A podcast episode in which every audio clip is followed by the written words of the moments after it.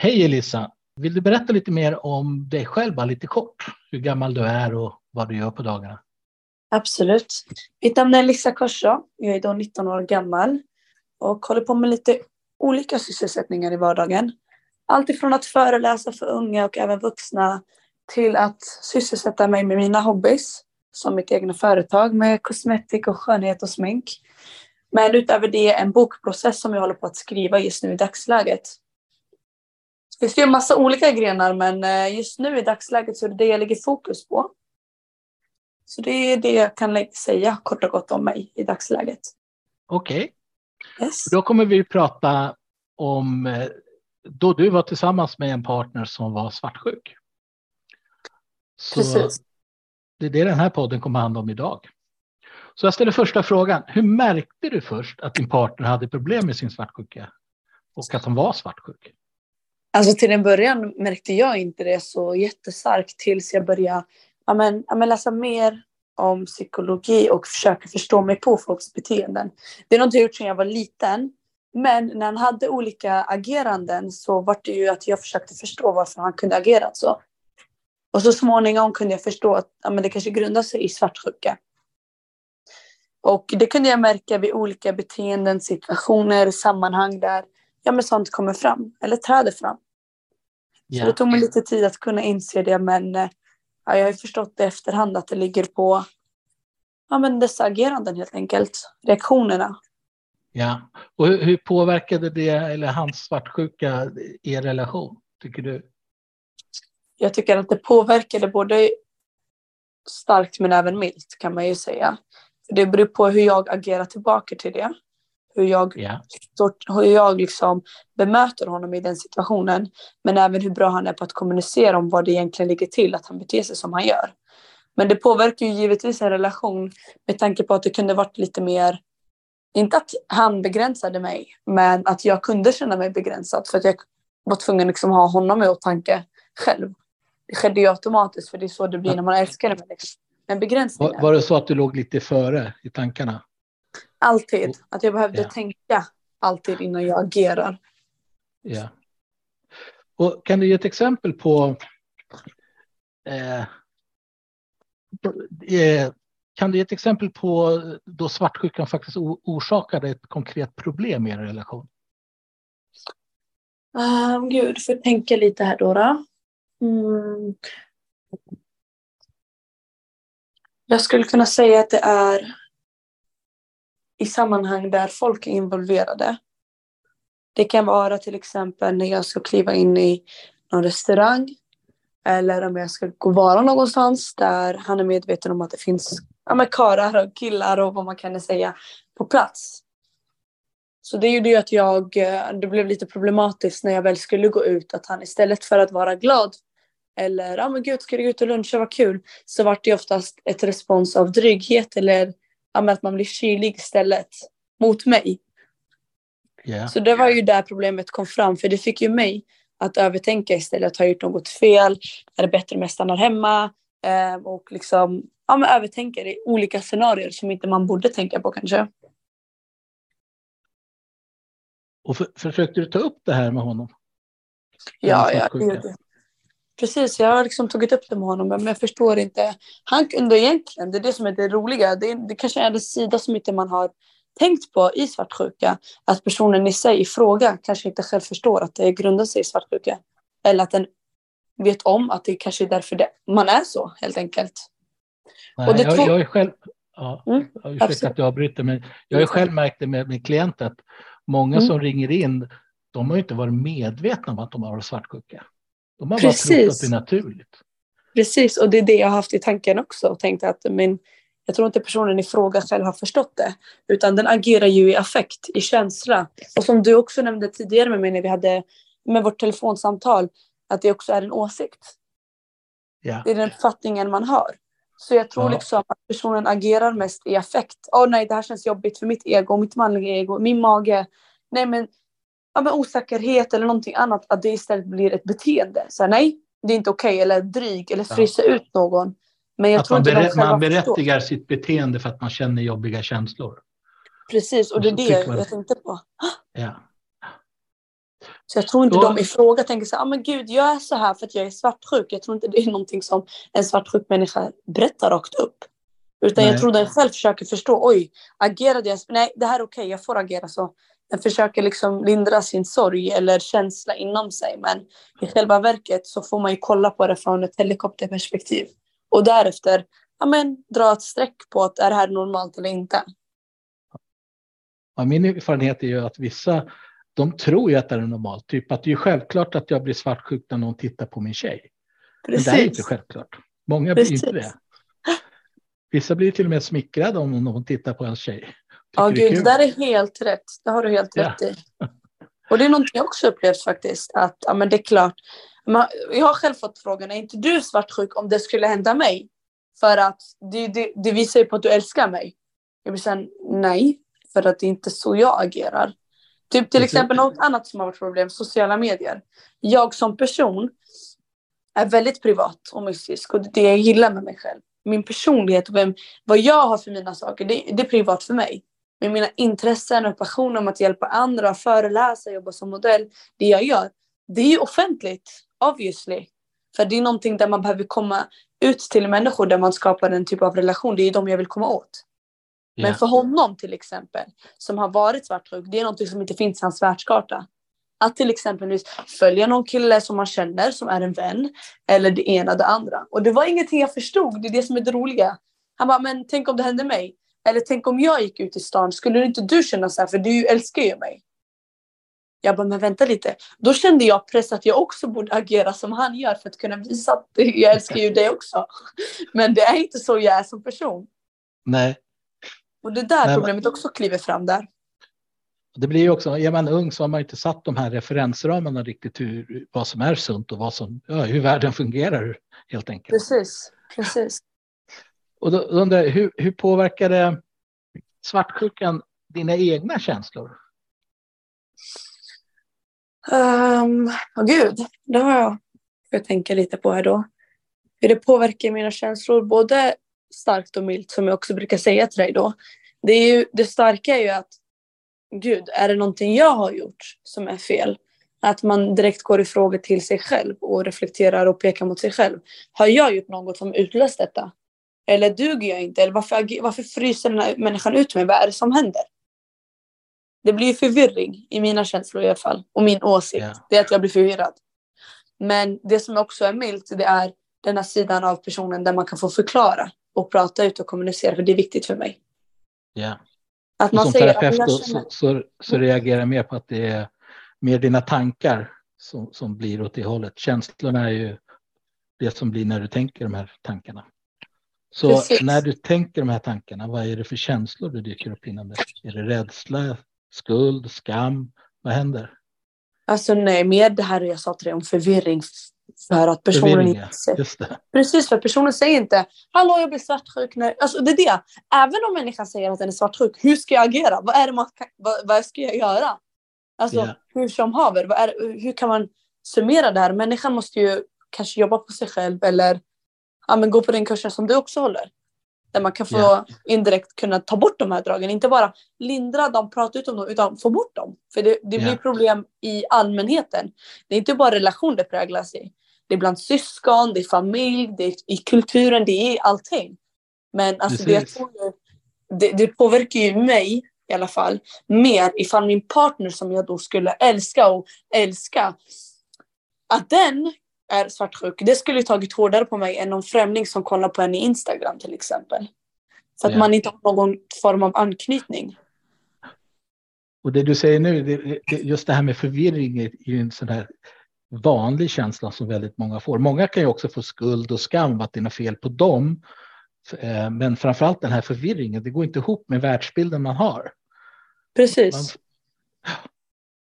Precis. Och när det gäller svartsjukan, hur påverkade den ditt sätt att kommunicera med honom?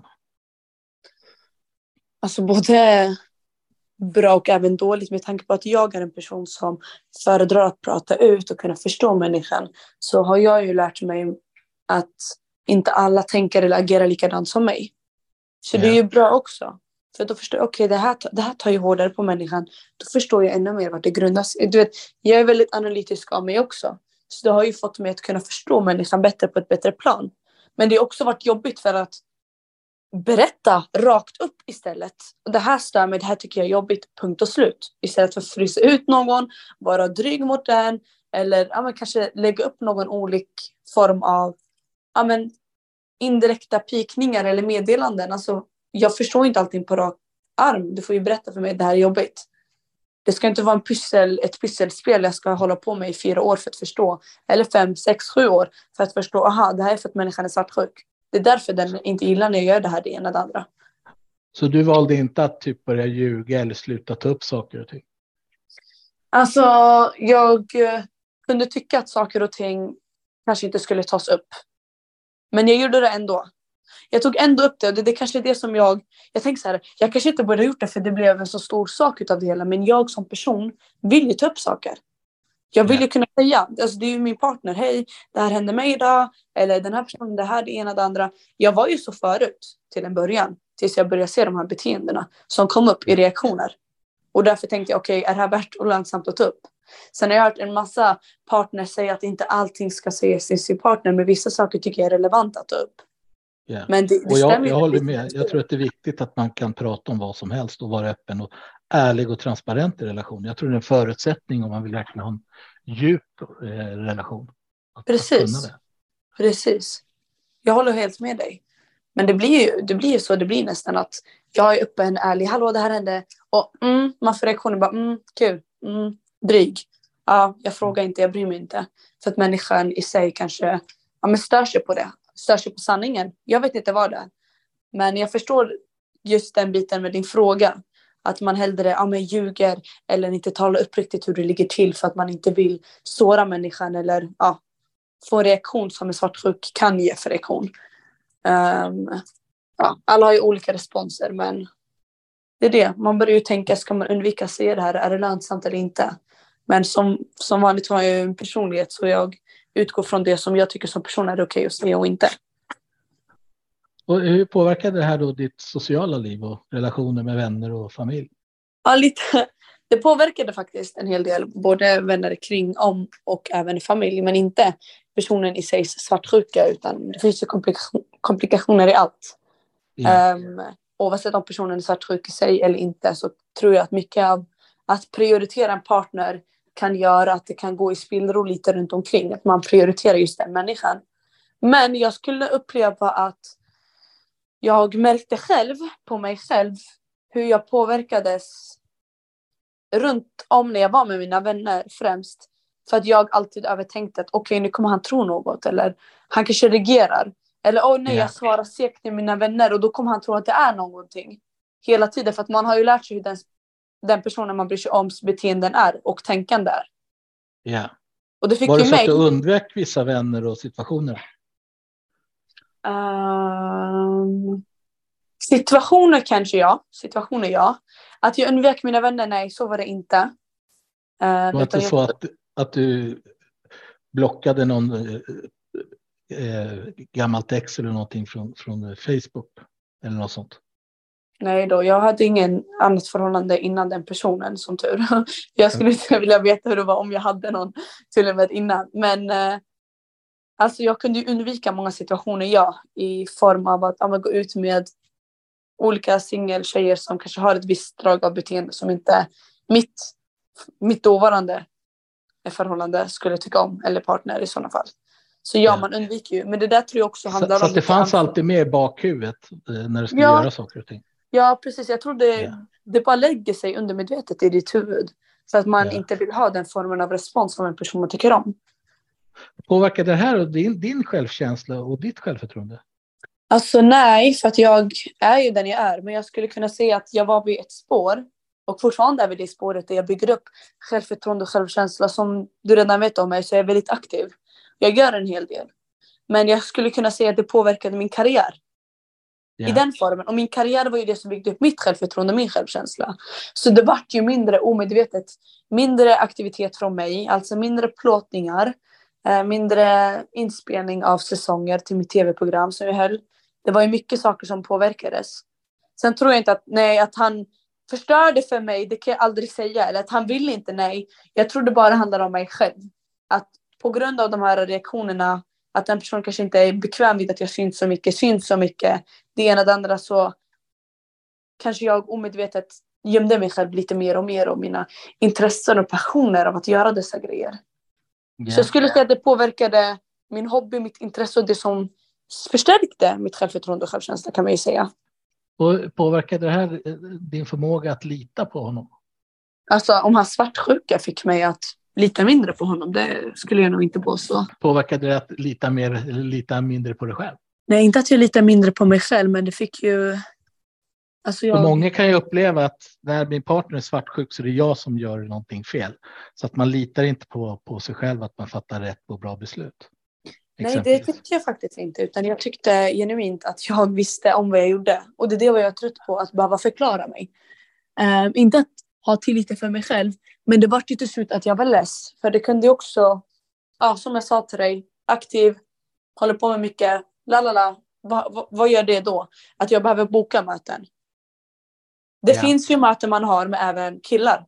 Killföreläsare, killpersoner som skulle gästa tv-programmet, killkontakter. Jag kan inte välja någon kön, obviously, eller någons intresse för mig. Det kan inte jag påverka.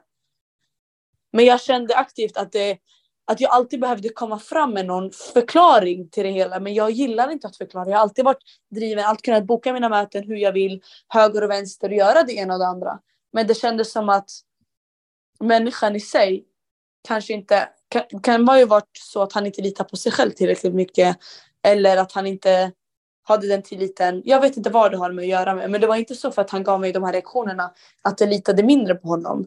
Men det gjorde ju mig mer ifrågasättande till hans beteende. Om man kan säga så istället. Finns det någon, något så beslut du tog som du ångrar väldigt mycket idag? Att jag inte fortsatt, fortsatt med det jag brann för. Men det gör jag ju nu. Men det är för att jag ja. inte är med personen i fråga. Ja. Hur länge var ni tillsammans? Alltså jag har ju känt honom sedan jag var ung. Jag kände ju honom sedan jag, ja men, nu är jag ju 20 om en vecka, två veckor ungefär. Så uh, jag kände ju den här personen sedan jag var 16 hade jag sett honom, men det var inte då som vi var tillsammans. Det var ju lite äldre ålder. Jag blev 18 ungefär, 18-19 år gammal. Men vi hade ju ögonen på varandra, hade intresse för varandra förstås. Och när vi pratar om det så säger vi att vi varit med varandra i fyra år.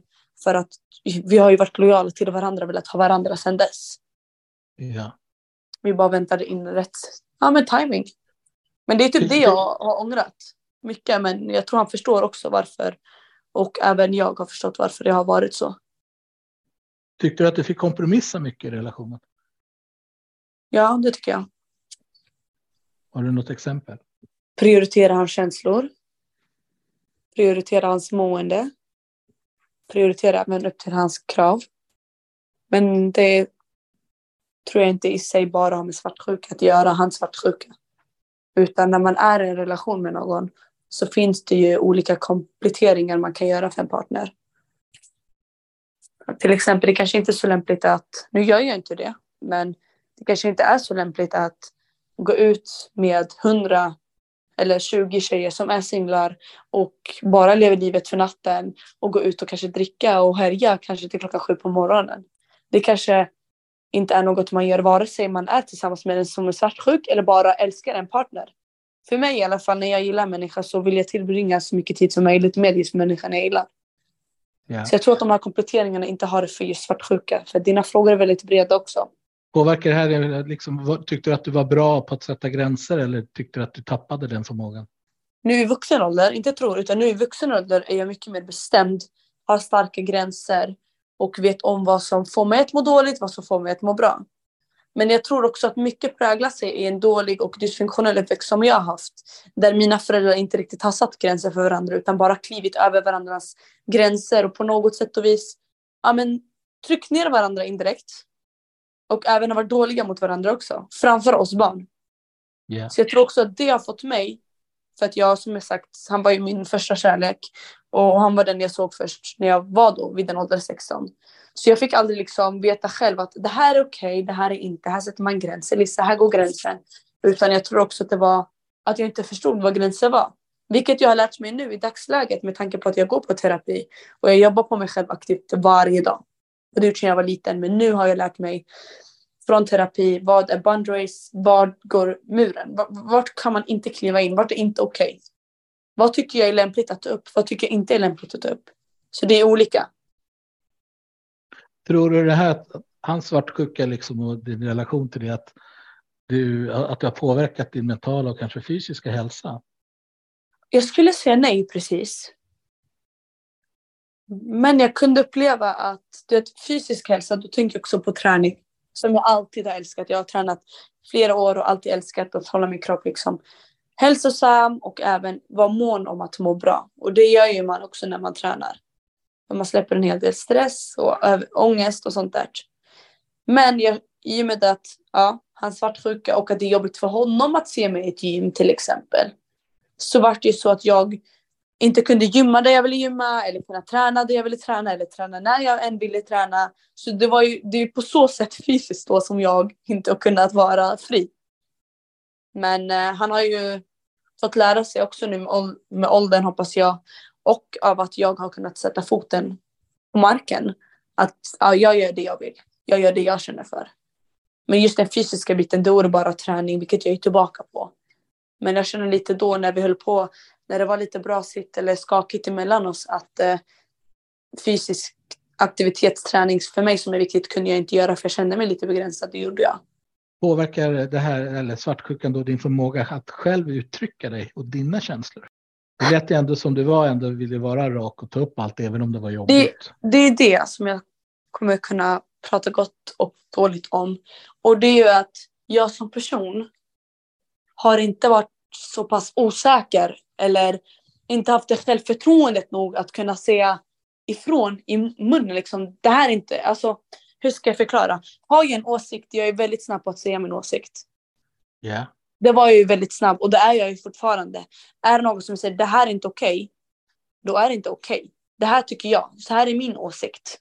Men jag fick ju också lära mig utav hans reaktioner att oh, vet du vad, det spelar ingen roll vad din åsikt är. Det här är vad han tycker, du kan inte påverka det längre. Så det fick ju mig att inte liksom, ah, helt ah, okej, okay. bara bli okej. Okay. Okej okay, tjejen, okej, okay, då vet jag vad du tycker och tänker. Men mina tankar och mina känslor kunde jag få ut i men till exempel skriva ut dem, prata ut med vänner, kolla, prata ut med mig själv. Vad tycker jag? Och det hela. Och sen när jag känner att okej, okay, det här är vad jag tycker, det här är vad jag känner. Oavsett vad han tycker och känner så kommer jag fram med det till honom igen. Ja. Och då bemötte han. Jag kände så här när jag, när jag väl pratade ut om vad jag kände och hur jag uttryckte mig så började han också förstå mig och acceptera. Att jag inte har samma reaktion som honom, att jag inte är som honom. För att jag började ju tro att aha, svartsjuka är ju kärlek. Det är, så här, det är så här man visar att man älskar en människa tänkte jag. Ja. För det var det personen sa till mig.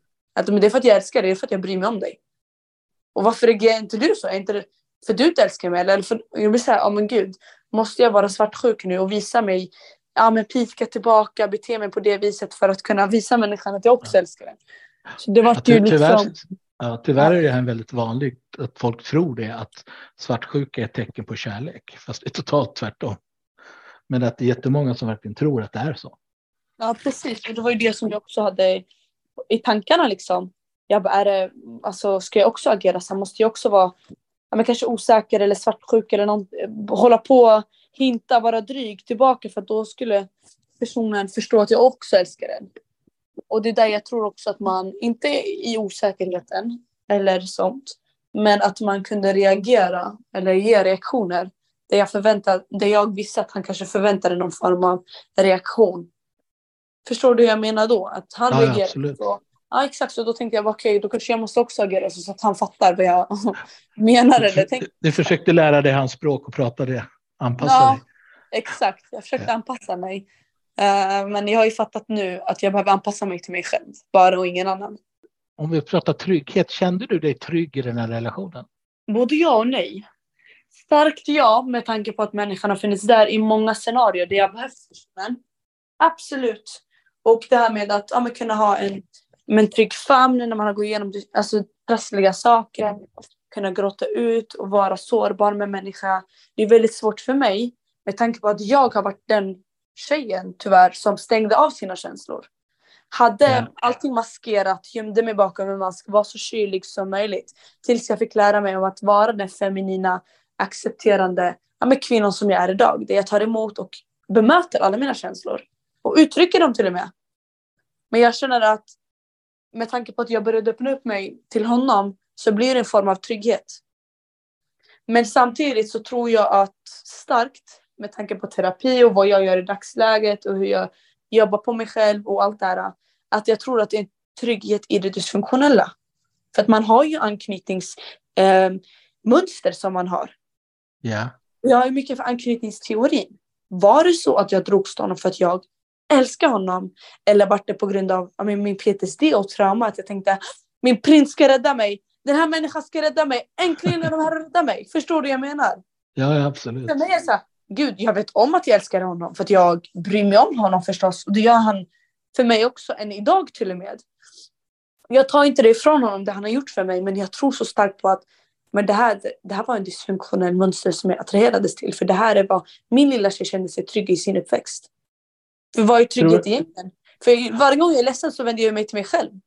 Varje gång det är någonting, eller när jag har problem, då springer jag fly och är med mig själv. Så i någonstans i det här, om det är en trygghetsplats, då är det den platsen man ska vara på. När man är sårbar och även glad. Tror du att det har blivit ett sår för att känna dig trygg i framtida relationer eller tycker du att du har kommit över det? Alltså jag har kommit över en hel del och bearbetat och jobbat på mycket. Men jag är fortfarande vid den biten där jag, vilket jag tycker är bra, att är det någon som skulle vilja ha mig eller någon vän som vill ha kvar mig i mitt liv eller bästa vänner oavsett vad så har jag lärt mig så mycket från den relationen som jag är evigt tacksam över. Och jag tror att på grund av de bristande egenskaperna han hade och de goda så har jag lärt mig att alltid när någon säger något till mig, kolla efter dens handlingar. Handlingar. Det vill säga, vill du ha mig? Då behöver du visa det via händerna. Älskar du mig, visa det via händerna. För jag är inte en person som pratar eller säger en hel del. Eller säger jag älskar dig, jag älskar dig, jag älskar dig. Jag känner inte alltid att jag behöver säga det. Jag vill hellre visa det. På mitt sätt. Det finns ju fem kärleksspråk. Hur vill du känna dig älskad? Vad kan jag göra för dig hjärtat? Ja. vilka är, det, är, ja, är det tjänster då som är ditt kärleksspråk?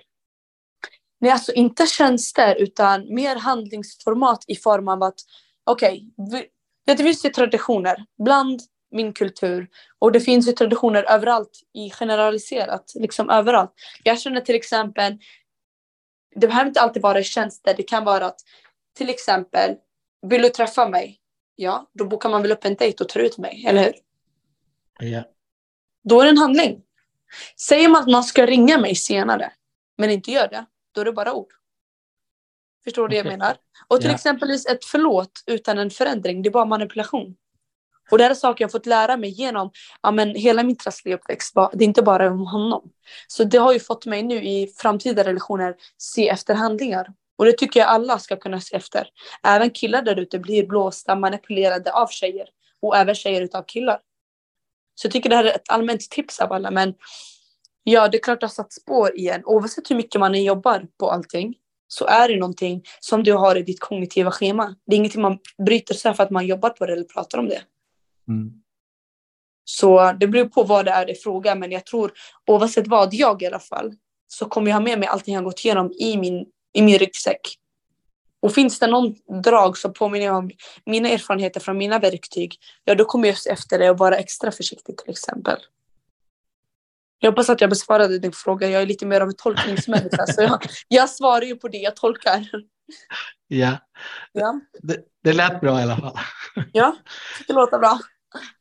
Tycker du att du kommer ur det här liksom, och blivit starkare eller tycker du att du fortfarande är i en läkningsprocess kring just det här med svartsjukan eller hans svart...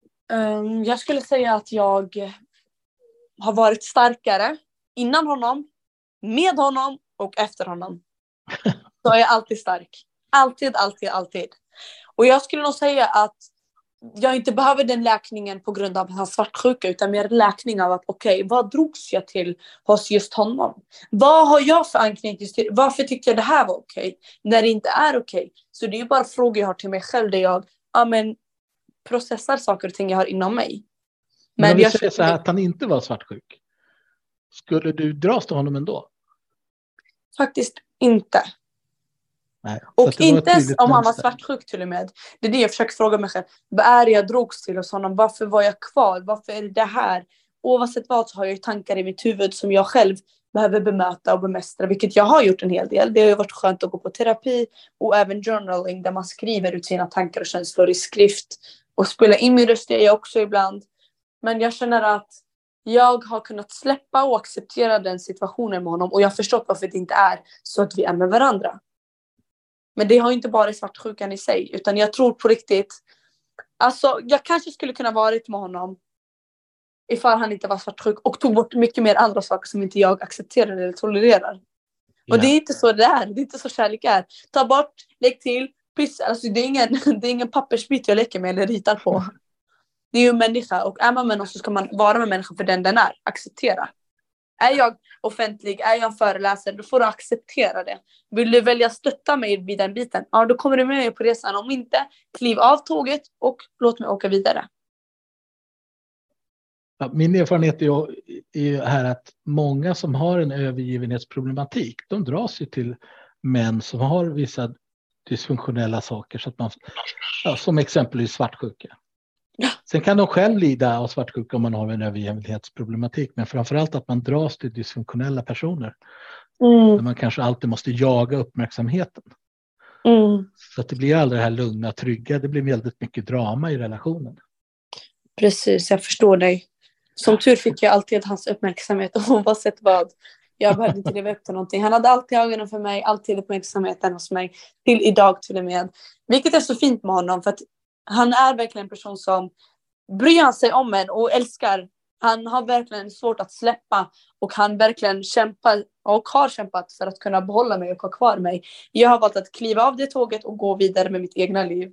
Men någonting jag kunde uppleva, eller som jag själv upplevt med mig själv, jag har haft svårt med den övergivenhetskänslan, men inte att du utvecklade svartsjuka hos mig osäkerhet.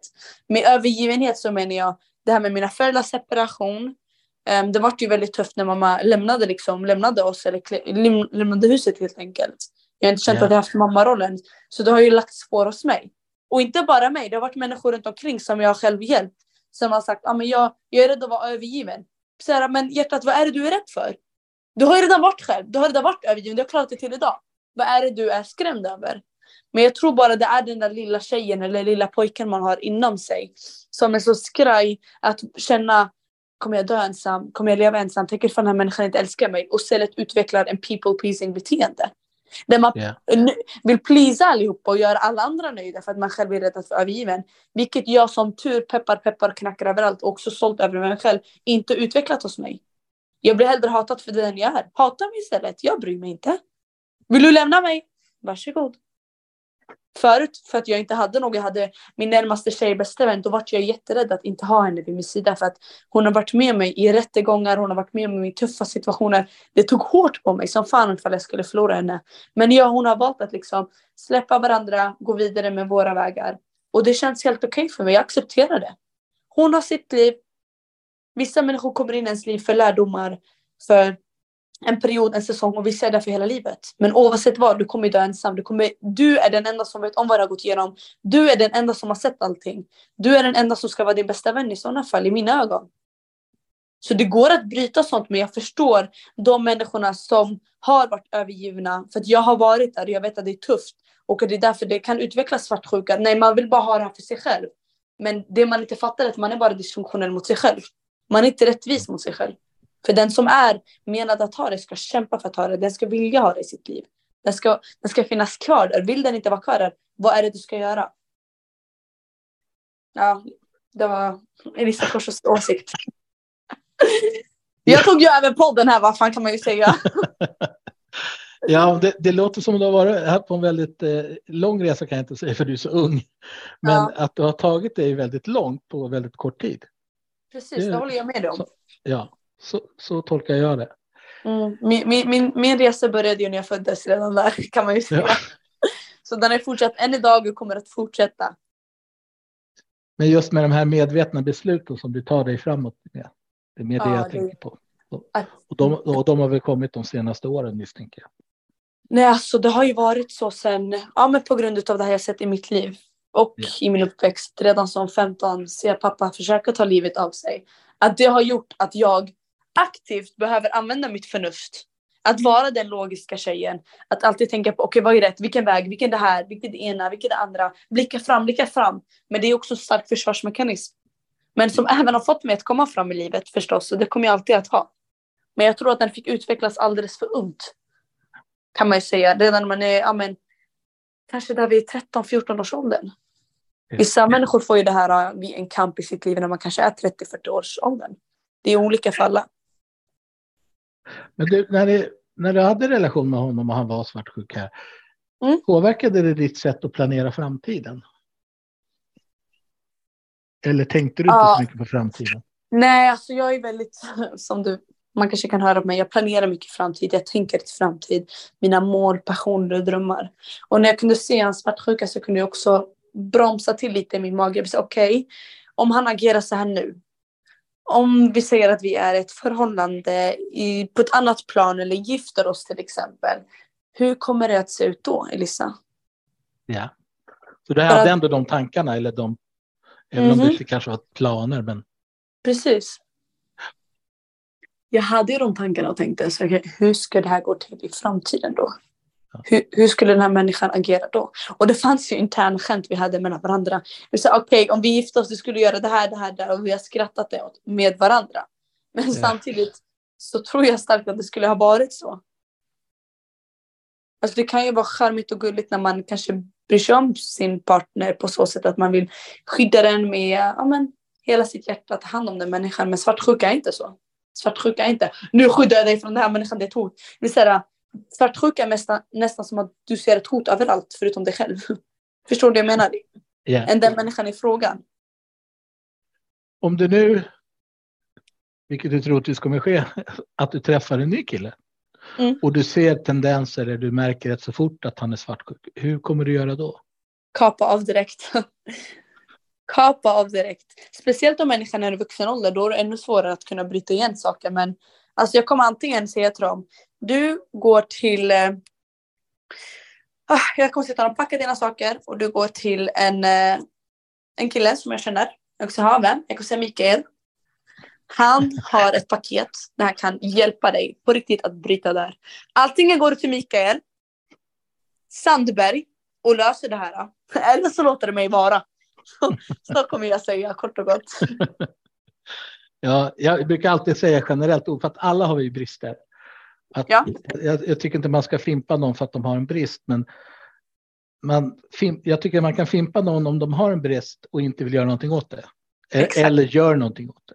Det är samma om man är ihop med en alkoholist. Att om den här inte väljer att sluta och ta hjälp så ja, då kommer det nog inte finnas något hopp för den här relationen. Precis.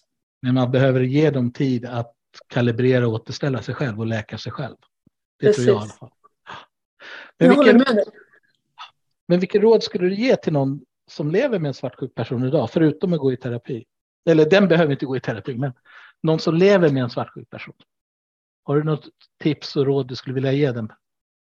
Alltså först och främst, det jag tror på starkt, det är att den, nu kommer det låta som att jag är jätteextrem feminist eller feminist, men jag tror mycket på att vi kvinnor är fan Guds skapelse om jag ska vara ärlig, för att vi har något som heter instinkt och magkänsla. Yeah. Och det här tror jag har med mycket med personer som har varit med en person som är otrogen eller värsta scenarien. Att ofta så har man en magkänsla. Och jag brukar säga följ den magkänslan i sådana fall. För jag tror på att den personen som är med någon svartsjuk som inte är bra för den. Den har haft det på känn redan innan. Sen betyder yeah. det att magkänslan har rätt. Det säger jag absolut inte. Det finns jättemånga människor som har trott på att ah, men det här är rätt men det har visat sig helt fel. Jag säger inte att det alltid är rätt. Men det jag tror på starkt att du som är med en svartsjuk partner. Du behöver bolla de här tankarna som jag själv haft. Tänk framtid, tänk på dina egna barn. Hur kommer den här personen vara som en partner till dina barn? Hur kommer den här människan att agera när du kanske gör något som är ett livsavgörande resultat? När du mår så bra, du kommer vara så vacker. Du, du är med i någon tävling. Tror du att den här människan klappar händerna och står där och filmar är nöjd? Eller tror att den här människan kommer låta svartsjukan ta över? Yeah. Fråga dig själv, är det här lönsamt? Vad vill jag ha för partner? Vill jag ha någon som drar mig bak eller drar mig fram? Sen Vill jag vara med, den här? Sen är det lite så här med svartsjukan att den kan ju stegra. Man vet inte vad slutet är. Det finns ju folk som mördar varandra efter ett tag, men Att i början av relationen kanske personen inte är så svartsjuk, men det blir mer och mer ju längre relationen går för att personen betyder mer för en och då blir man också mer hotad eller känner sig mer hotad.